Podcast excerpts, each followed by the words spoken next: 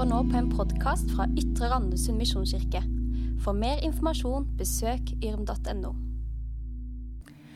Velkommen til en ny episode av YRM-podden, som denne høsten er undervisningspodder ut ifra den taleserien som vi er inne i. Jeg heter Torbjørg Oline, og det er bare jeg som er her i dag. Jeg skal få lov til å undervise, lære vekk og sannsynligvis lære noe sjøl av å snakke om en tematikk som jeg syns er utrolig viktig, og som vi burde snakke mye mer om, nemlig bønn, og i forlengelsen av det, det å høre Guds stemme. Men det blir altså bare min stemme her, eh, sånn veldig hørbar, i hvert fall, på denne poden. Og jeg husker jeg var bibelskolelærer i mange år, og jeg ble jo litt sånn rørt da, da en av elevene mine en gang kom og sa Torbjørg, jeg hører på taler av deg på podkast nesten hver kveld. Og jeg var å, så dedikert bibelskoleelev. Ja, sa han, for det hjelper meg å sovne. Og det forklarte jo kanskje en viss eh, søvnig innstilling fra bakerste rad. Så om du også opplever at min stemme er noe søvndyssende, så får du ta hensyn til det, og kanskje bare få lov å sove i fred med lyden av denne podkasten på øret.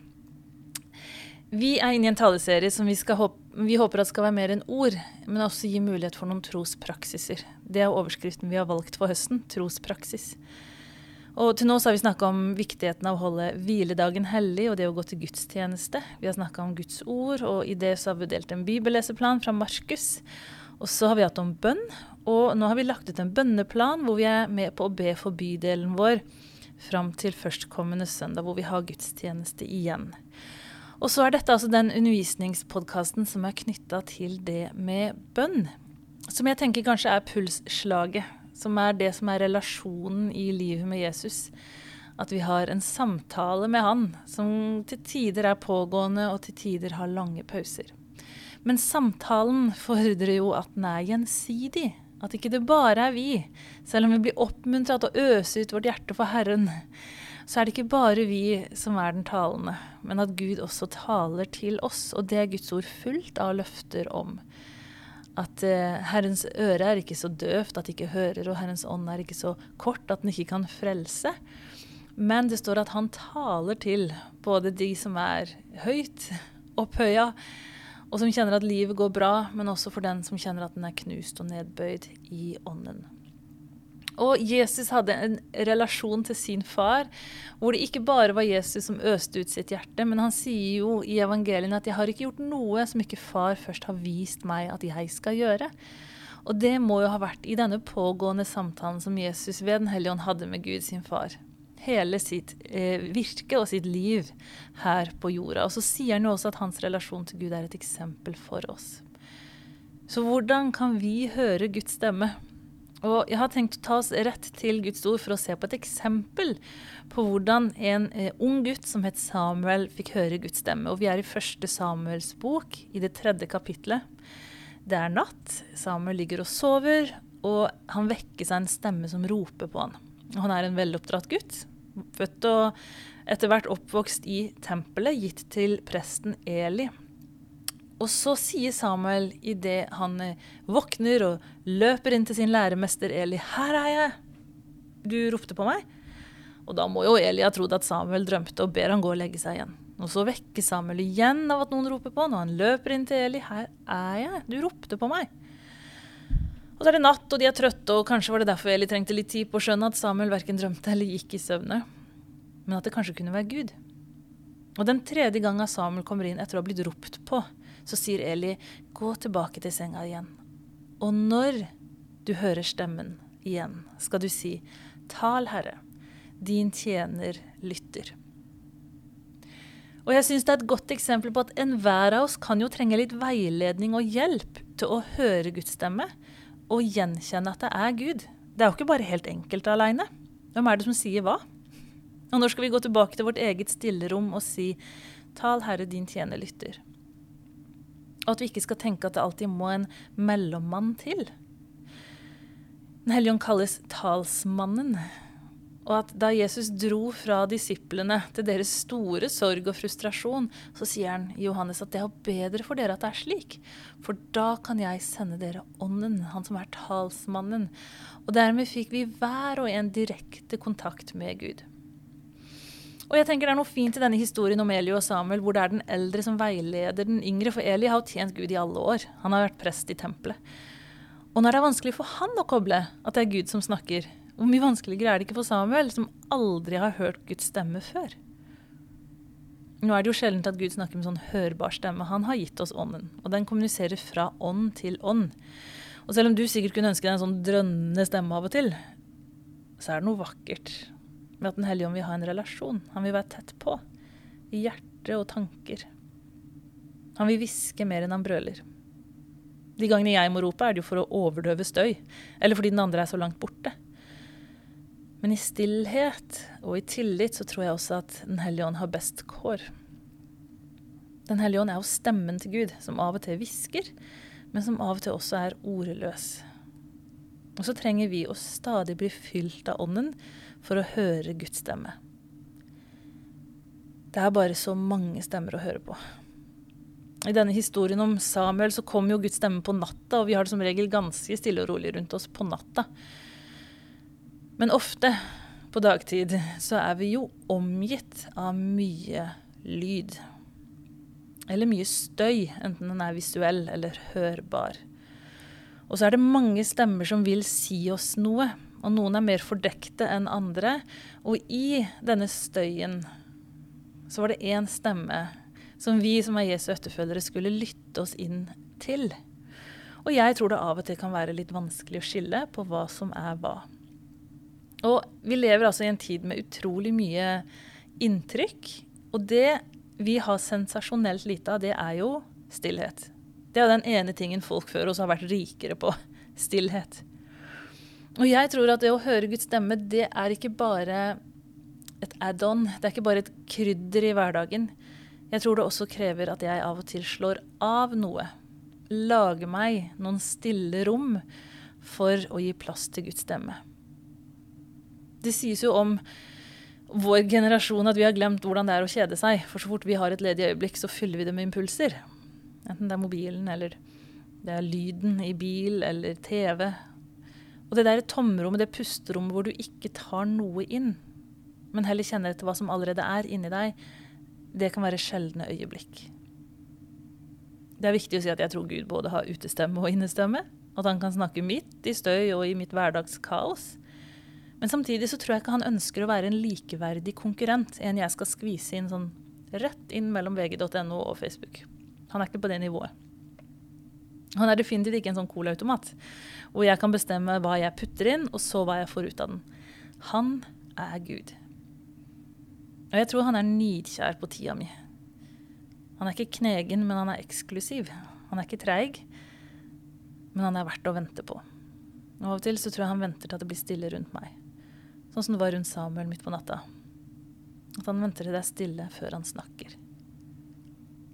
Jeg er sånn som kan se på ski på TV og det er jo lett å se på Therese Johaug og tenke åh, tenk så utrolig gøy å krysse den mållinja og få den jubelen, få den velfortjeneste hilsen. Tenk for en følelse av å gruse konkurrentene. Og det er lett å ønske seg resultatene, men ikke være villig til å putte inn innsatsen. Og Av og til så møter jeg mennesker som på en spesiell måte har satt av tid, De har egentlig satt til side livet sitt for å være nær Gud. Og når jeg møter de, så får jeg samme litt sånn misunnelsen. Å, Tenk å ha det sånn. Tenk å besitte den freden. Virker som de har en, en lettere tilgang til Gud og åpenbaring i ordet hans. Og, å, tenk de som er så profetiske. De som så lett hører. Sånn skulle jeg gjerne hatt det. Og så er jeg ikke alltid villig til å lage det så stille rundt meg, til å ta så vanskelige valg, til å bortprioritere så mye. Og for så å bli, eller høre den stemmen Gud har, og bli en stemme inn i vår tid. Så jeg tror det med bønn og høre Guds stemme også er en øvelse.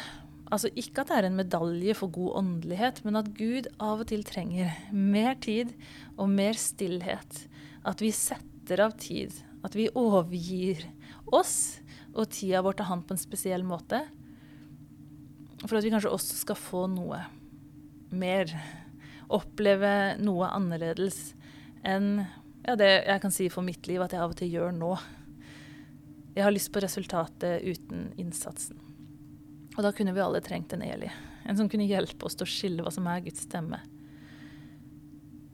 Når noe dukker opp i hjertet ditt igjen og igjen, en idé du stadig deler med andre, så kan jo en god venn være med og si Men det kan ikke være Gud, da? Prøv å si 'Tal, Herre, din tjener lytter' en gang til. Men kanskje du hører deg sjøl si noe du ikke visste at du visste?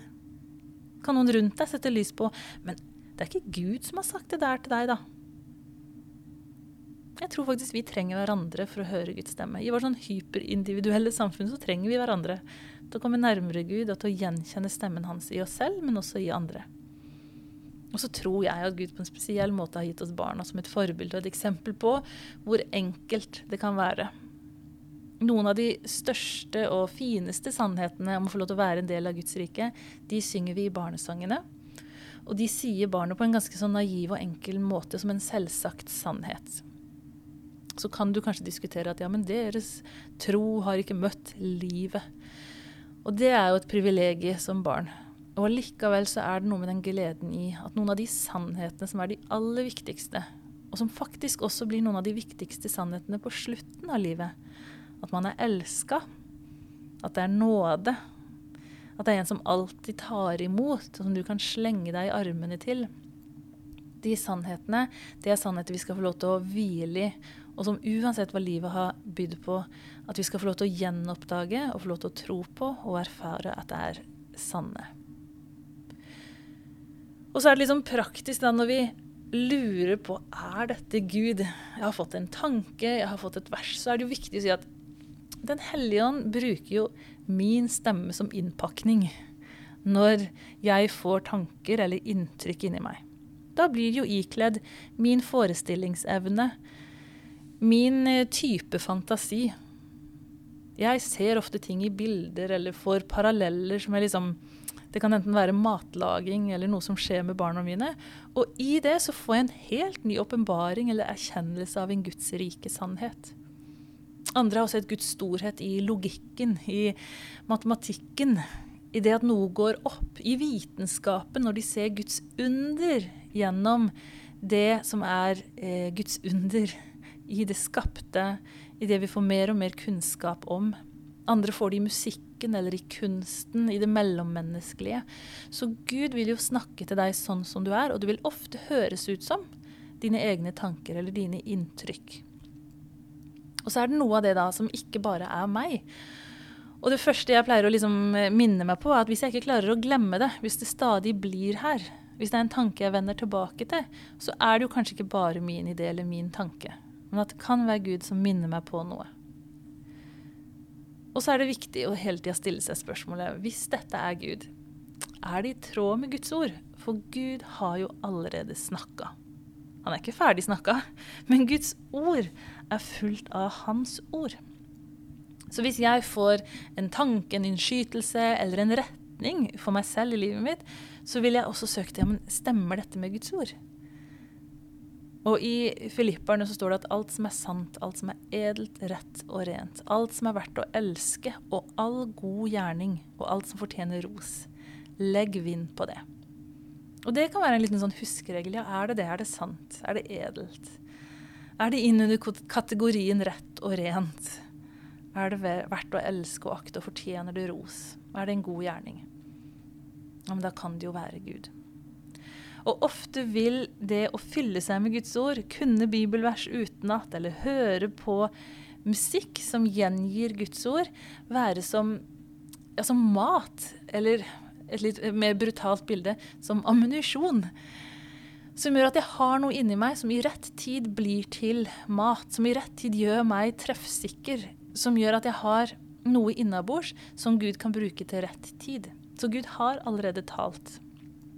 Og jeg vet ikke hvor ofte jeg har våkna med en sang på hjernen eller tar meg og synger på en sang utover dagen som sier noe som er sant om Gud, eller som er sant om den situasjonen han er i. Han er jo kreativ, han kan synge til oss også.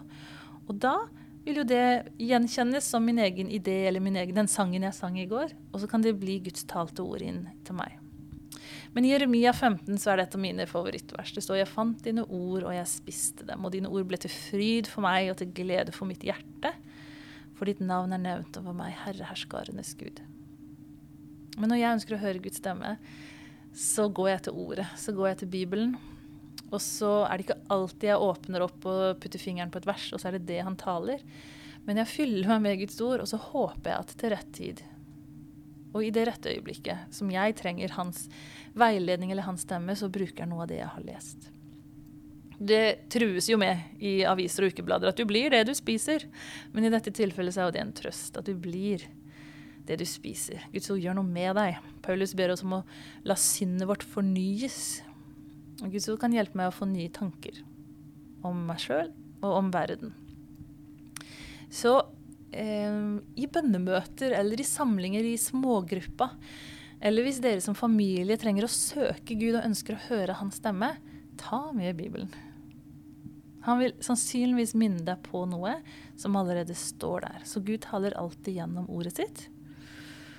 Og så tror jeg at han vil snakke til meg personlig. Han vil tale til oss som fellesskap. Og det er noe av det fineste som fins. Det å få en bekreftelse eller et håndtrykk, en hilsen, et glimt av Gud gjennom andre mennesker. Når kanskje noe som sies i en tale, passer rett inn i situasjonen din, så kan du ta det som en hilsen fra Gud. Når en linje i den sangen blir med deg inn i uka, så kan det være Gud som talte til deg. Noen deler et bilde eller en hilsen et vitnesbyrd som kan bli Guds talte ord inn i livet ditt. Og så kan du åpne øya for at du ikke er aleine. Og det er fellesskapet på sitt beste. Og så tror jeg at vi også som fellesskap kan øve oss opp til å gjenkjenne Guds stemme i større grad. Bli vant til stemmen hans og lage rom for å høre etter.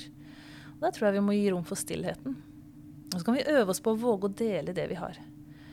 Jeg tror Gud leiter etter i vår tid noen som tar seg tid til å lytte til han, og som tør å dele det de får.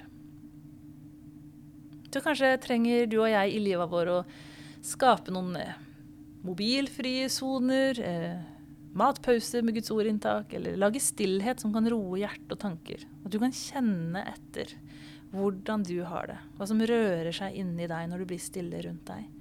Og i det oppleve at Gud allerede er der. På søndag 2. oktober så hadde vi besøk av vår venn Daniel, som stadig minner meg om å vise meg nye perspektiver med det å følge Jesus og lede andre mennesker til han, men veldig frimodighet på at han har funnet den aller, aller beste til å følge og leve for, nemlig Jesus Kristus. Og Daniel har ganske mange historier om Guds veldig konkrete og tydelige ledelse. Og jeg har lagt merke til at ofte når han forteller om disse litt sånn overnaturlige hendelsene, så sier han nesten som i en bisetning Ja, vi kom til busstasjonen, så sto vi der og ba i to timer og søkte Gud for hvor vi skulle, og så kommer det en mann opp til han og gir han et ord fra Gud, fordi han er sendt dit, opplever han, for å lede Daniel og hans venn inn eh, i et nytt landområde. Vi bare ba i to timer, og så kom svaret. Og så tenker jeg av og til at jeg har lyst på de historiene, men så vet jeg ikke om jeg har de to timene i forkant av miraklene og undrene. Og det er ikke alltid et krav, men jeg kan bli så inspirert til å også sette av den tida det er på å øve seg på å høre Guds stemme, og sette av tid til Han. I historien om Samuel og Eli så gikk jo Samuel tilbake til sin seng og sa at 'Hal, Herre din tjener lytter', og så var det jo ikke en happy-clappy budskap han fikk av Gud, men han fikk en ganske tøff beskjed som gjaldt hans læremester Eli. Og neste morgen så står det at Samuel egentlig ikke hadde lyst til å fortelle hva som hadde skjedd, og Eli må ha vært kjempespent til frokost for å høre hva skjedde videre etter at jeg sendte deg tilbake til sengs. Og så nøler han, og til slutt så sier Eli ja, men du må fortelle meg hva du har hørt. Og vi kan jo også nøle med å dele det vi har fått. Og som oftest så er jo det fordi vi ikke er sikre på om det er Gud. Det er jo sikkert bare meg. Og det er et stort ansvar, og egentlig et alvor i å dele noe man tror er en hilsen fra Gud. Samtidig så trenger vi den frimodigheten for at Gud skal få bruke oss. Du kan se det, hvis vi forsøker, å se det fra Guds synspunkt. Han legger noe på hjertet ditt til en annen. Han har skikkelig lyst til å oppmuntre naboen din. Han hvisker det flere ganger, han sier det, ja, kanskje han til og med vekker deg midt på natta for å minne deg på det. Men du nøler. Jeg er ikke sikker på om det er fra Gud. Ikke sikker på om naboen er så interessert i å høre fra Gud. Men det du skal si, er egentlig oppmuntrende. Nei, ikke sånn, du er redd for at det bare er dine tanker. Og så kan det hende at du lar være. Men Gud har ny nåde hver dag. Men han fortjener jo jammen å bli hørt og videreformidla. For hvis vi skal se det med en kjærlig pappas øyne, om du da ikke var Gud som hadde gitt deg den oppmuntringa til naboen, tror du at Gud river seg i håret om du deler? Å nei, å nei. Nå oppmuntrer hun naboen sin, og så tror hun kanskje at det var jeg som sa det. Krise. Nei. Jeg tror at han har stor nåde, og at han gir oss mange store, gode tabbekvoter til å gjøre feil, særlig når det passer inn i den sjekklista om det er sant, edelt, rett og rent og verdt å elske og akte. Kjør på. Om du gir en oppmuntring for mye, og kanskje til og med hevder at den er fra Gud, og kanskje står det ordrett i Bibelen, da gjør du ikke noe feil. Du har en stolt pappa som ser med kjærlighet på dine forsøk og heier på når du prøver, og så tror jeg han ønsker å dekke deg med sin nåde når du bommer. Så jeg tror det er fint å øve seg opp til å dele og finne gode måter å formidle at du kanskje har fått noe som Gud har sagt, eller Gud kan bruke. Og så tror jeg det er viktig å ikke for ofte og for tydelig si 'så sier Herren'. Særlig ikke hvis det er ord som er ganske formanende eller advarende. Da tror jeg vi skal ha en stor dose ydmykhet i at dette er mine tanker og mitt inntrykk, og det er med stor ydmykhet jeg deler noe som kanskje kan være litt tøft å høre. Men da tar jeg det på min kappe hvis ikke det landa godt, eller hvis det ikke var fra Gud. Nå er det ikke sikkert at alt lander veldig godt, men det er noe med å være ydmyk for at dette kan være Gud, og så kan det også være iblanda en del av meg. Og vi skal ikke gå langt inn i det, men det er klart det har vært både maktmisbruk og manipulasjon gjennom at Gud har talt. Og da har det ofte vært gjennom sterke ledere som allerede har en del makt som man da forsøker å styrke ved å i tillegg få Gud med på laget. Det har jeg utrolig stor respekt for, må jeg si, som pastor. At jeg aldri tar munnen for full eller bruker for store ord, og så forsøker å få Gud med på mitt lag for å liksom tvinge min vilje eller mine tanker inn i situasjoner eller i prosesser vi er i. Jeg håper Gud taler til oss som stab og til oss som lederskap.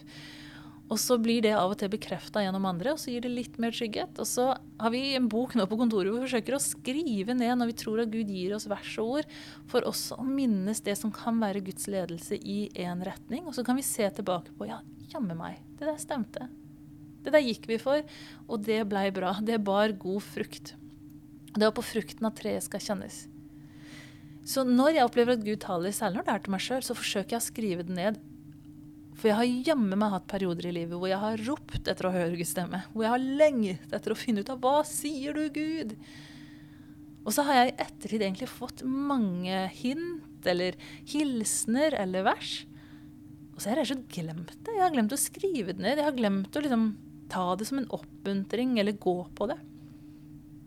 Og når universets herre, han som har skapt himmel og jord, taler til meg, da tenker jeg at det fortjener å bli huska eller bli lagt merke til, og at Hans ord skal være en rettesnor for mitt liv.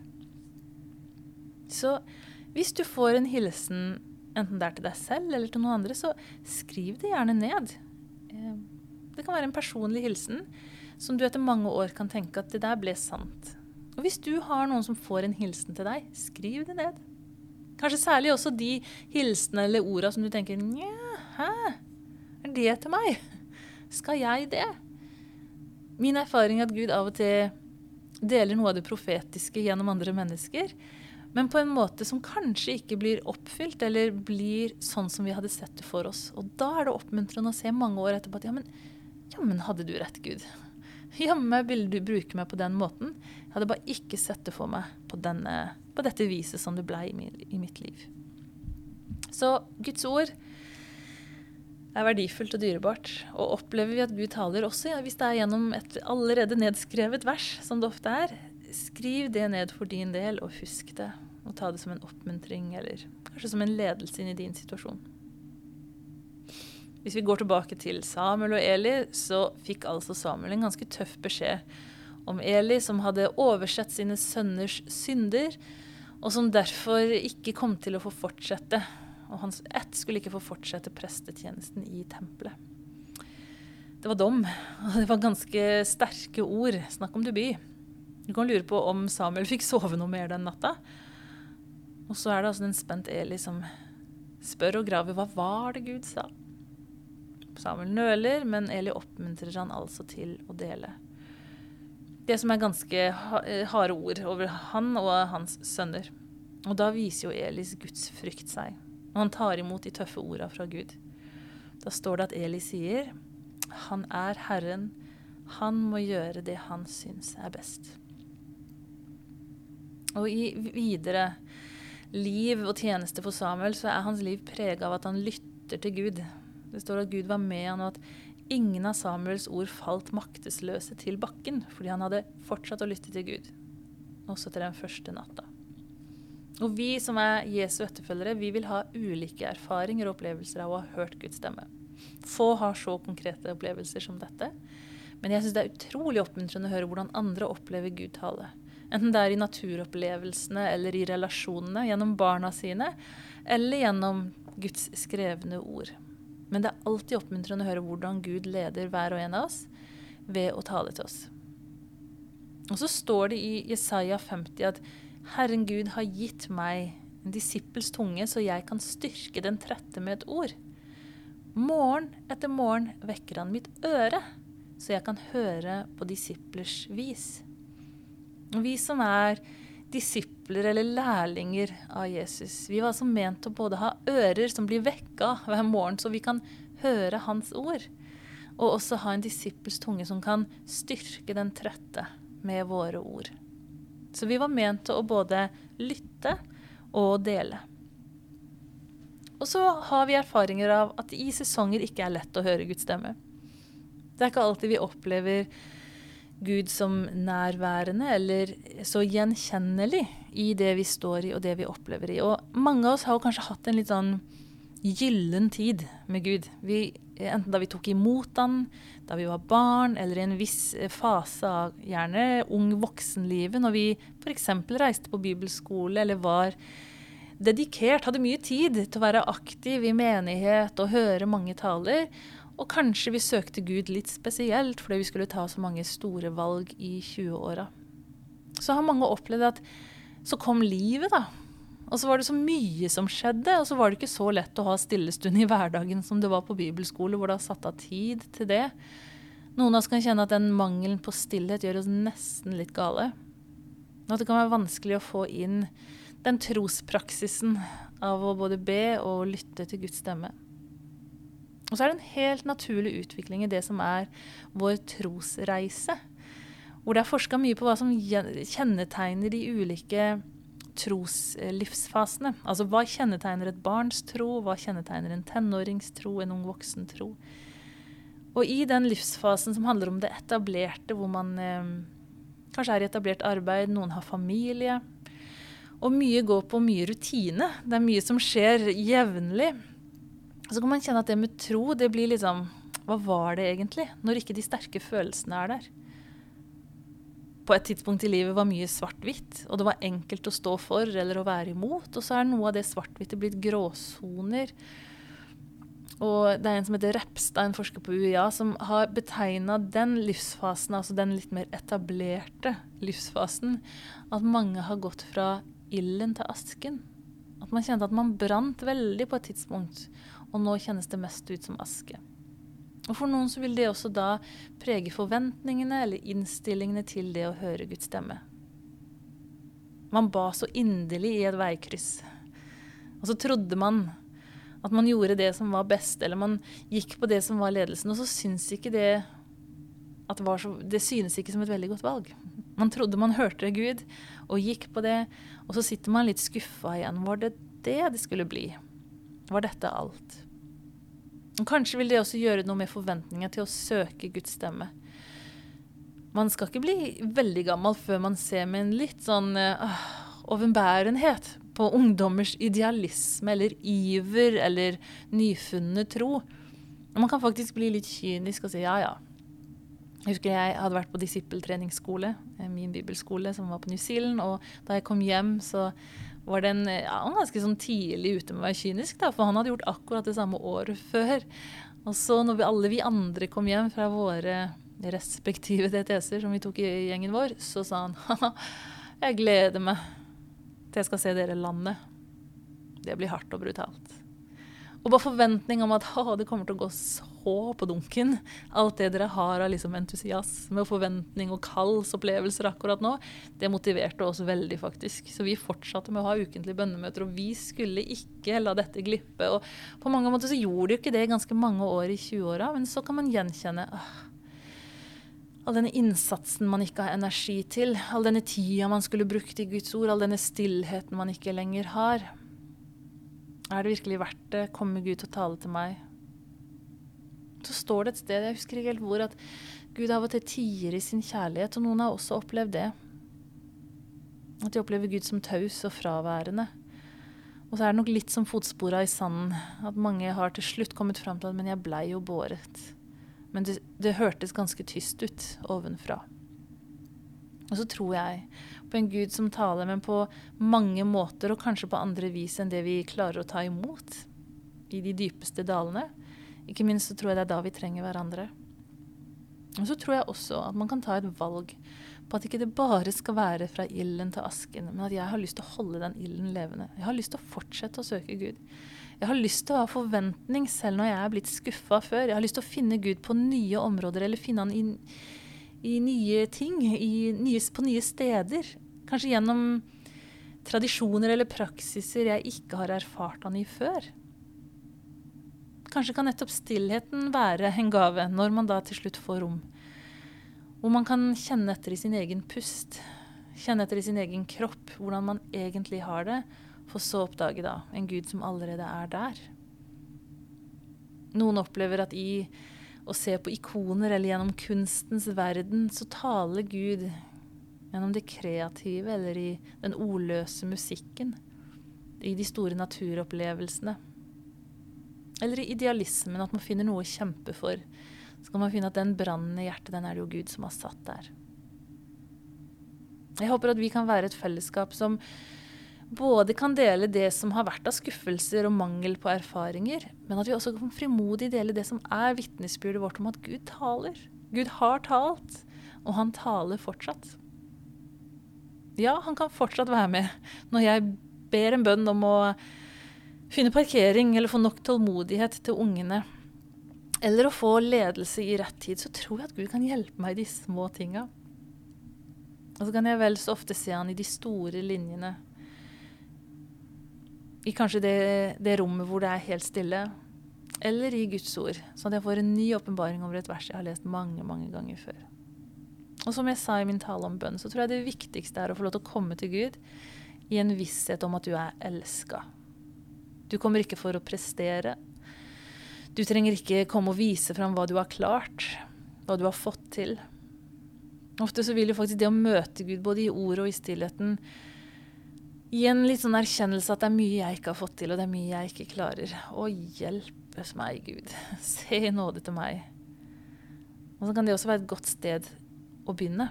I Isaiah 58 så står det om fasten. Skal vi forresten ha en undervisningskveld om 9.11. Det blir veldig spennende. I Isaiah 58 så sier Gud noe om fasten som er litt annerledes. Det er der han sier nei, slik er den fasten jeg har. At du løsner de bånda. At du setter fri de som er fanga. At du gir mat til de som er sultne. At du kler de som er nakne. Og så står det at da skal lyset bryte fram som morgensolen. Din godhet og rettferdighet skal bli synlig. Da skal du be, og Herren skal svare. Du skal rope, og han vil svare, her er jeg. Av og til kan det å komme til Gud med en erkjennelse av utilstrekkelighet, en se i nåde til meg, og få lov til å komme ikke sånn nedbøyd og eh, med bøyd nakke fordi man er full av skam, men at man skal få lov til å legge fram livet sånn som det er, be om tilgivelse og få ny nåde. Og så tror jeg av og til at Gud kan minne meg på noe som er som en propp. Så der jeg ber og ber om både svar og ledelse, så driver han stadig og minner meg på det uoppgjorte. Stadig dukker hun opp som jeg må be om tilgivelse for noe jeg sa som var så dumt. Og så har jeg opplevd at av og til så er det når jeg har bekjent min synd, når jeg har gjort opp det som ble galt. Eller jeg kanskje har unnlatelsessynd, altså det jeg vet Gud ville at jeg skulle gjøre. Så jeg har egentlig ikke gjort noe galt, jeg har bare latt være å gjøre noe som jeg vet er riktig. Enten det er å gi, dele Ja. Så kan det være at det er først når jeg har ordna opp, når jeg har gjort det jeg vet Gud har minna meg på så lenge, at jeg kan komme, og så er det som proppen er borte, og så hører jeg stemmen hans bedre. Jeg tror at Synd er jo med å stenge mellom meg og Gud. Og av og til kan det å komme til Gud med den synserkjennelsen, og få lov til å reise seg opp med frisk nåde og alltid, alltid, alltid vite at du er elska, det kan gjøre noe med også måten vi lytter oss inn til Gud på. I Sefania 3, 16 og 17, du har jo hørt det før. Herren i Gud er hos deg. En helt som har makt og frelse. Han fryder og gleder seg over deg og viser deg på ny sin kjærlighet. Han jubler over deg med fryd som på en høytidsdag. Og ut ifra det å være elska, så kan vi komme til Gud med en forventning om å høre Han. Sånn som du er. Ikledd din stemme og din forestillingsevne og dine tanker. Og så kan vi hjelpe hverandre i å øve oss på å høre Guds stemme. Tørre å dele litt mer.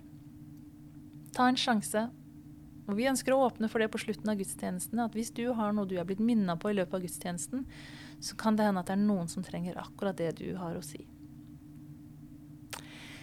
Jeg vil avslutte med å be en bønn. I en bok jeg bruker mye for tida, som er 'Tidebønner', så står det en fin bønn som jeg har lyst til å avslutte med.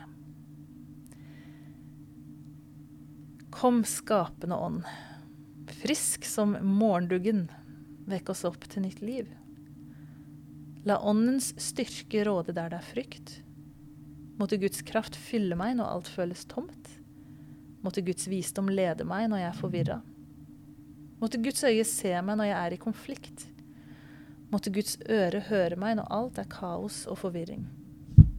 Måtte Guds ord være for meg når jeg taler og tenker, så jeg blir beskytta mot synd og falskhet som skader meg på kropp og sjel. Amen.